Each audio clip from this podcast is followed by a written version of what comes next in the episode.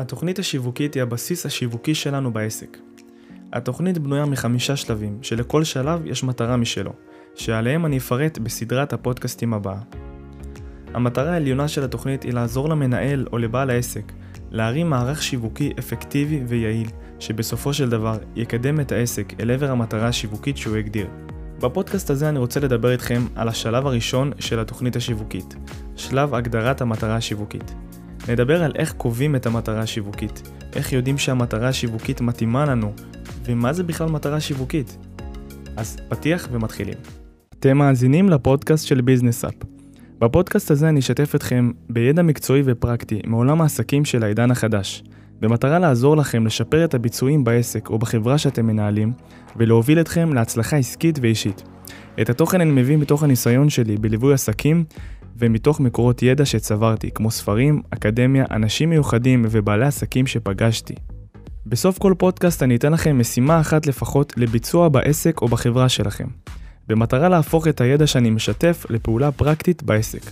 אז כדאי לכם להישאר עד סוף הפודקאסט. אם אתם אוהבים את התכנים שאני משתף אתכם, אתם מוזמנים לעקוב אחרינו בערוצי הדיגיטל, או להיכנס לאתר שלנו, חפשו ביזנס אפ בגוגל. המשך האזנה נעימה. אז בשלב הראשון של כתיבת התוכנית השיווקית, אנחנו נגדיר את המטרה השיווקית. המטרה היא התוצאה הסופית שאליה אנחנו רוצים להגיע על ידי המערך השיווקי שאנחנו רוצים להקים. המטרה תעזור לנו למקד את כל הפעולות שנבצע במסגרת התוכנית השיווקית שעליהם אני אדבר בהמשך. כלומר כל שאר השלבים בתוכנית חייבים להיות בסינרגיה מלאה עם אותה מטרה שיווקית שהגדרנו. המטרה השיווקית צריכה להיות כמותית וניתנת למדידה. לדוגמה, 500 לידים בחודש, או 1,500 עסקאות ברבעון, לצורך הדוגמה. המטרה חייבת להיות ברת תוקף, כלומר, להגיע למטרה מסוימת תוך פרק זמן מסוים. זה יכול להיות חודש, זה יכול להיות שבוע, זה יכול להיות רבעון, זה יכול להיות חצי שנה, שנה, שנתיים או אפילו חמש שנים. המטרה שנגדיר תעזור לנו לבחון ולבדוק האם אנחנו במגמת התקדמות. יש מגוון מטרות שיווקיות, והן משתנות מעסק לעסק, בהתאם לתנאים שלו, בהתאם לתחום של העסק, בהתאם לצרכים ולרצונות של בעל העסק. הגדרת המטרה תלויה במצב העסק על ציר הזמן שלו, והיא חופפת למטרה העסקית. כלומר, המטרה השיווקית של עסק חדש לא בהכרח תהיה מטרה שיווקית לעסק ותיק.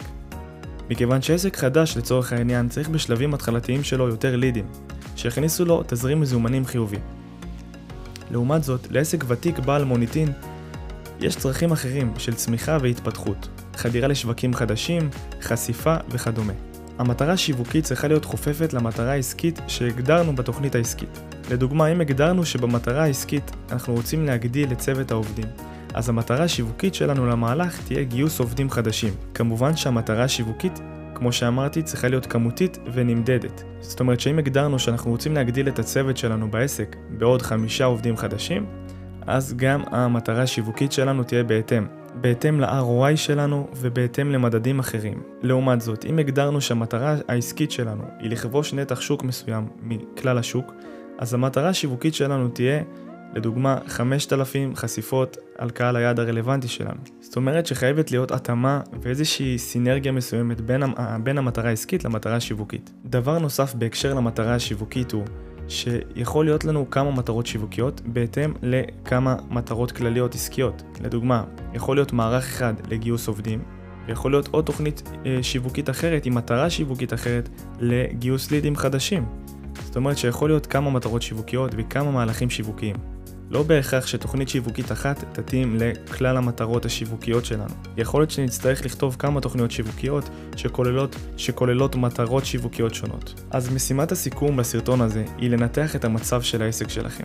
להגדיר מטרה שיווקית בהתאם למטרות בתוכנית העסקית ולחזון של הארגון שלכם. תעבדו בסינרגיה ובשיתוף מול כל הגורמים הפנימיים של העסק. אם הגדרתם מטרה שיווקית, תדאגו שכל הגורמים בעסק מודעים אליה, כדי שכולם יוכלו לתרום. כל המחלקות, גם מחלקת הכספים, גם משאבי האנוש, גם העובדים הכי קטנים וגם העובדים הכי גדולים. תמשיכו לעקוב אחרי סדרת הפודקאסטים הבאה בנושא של בניית תוכנית שיווקית.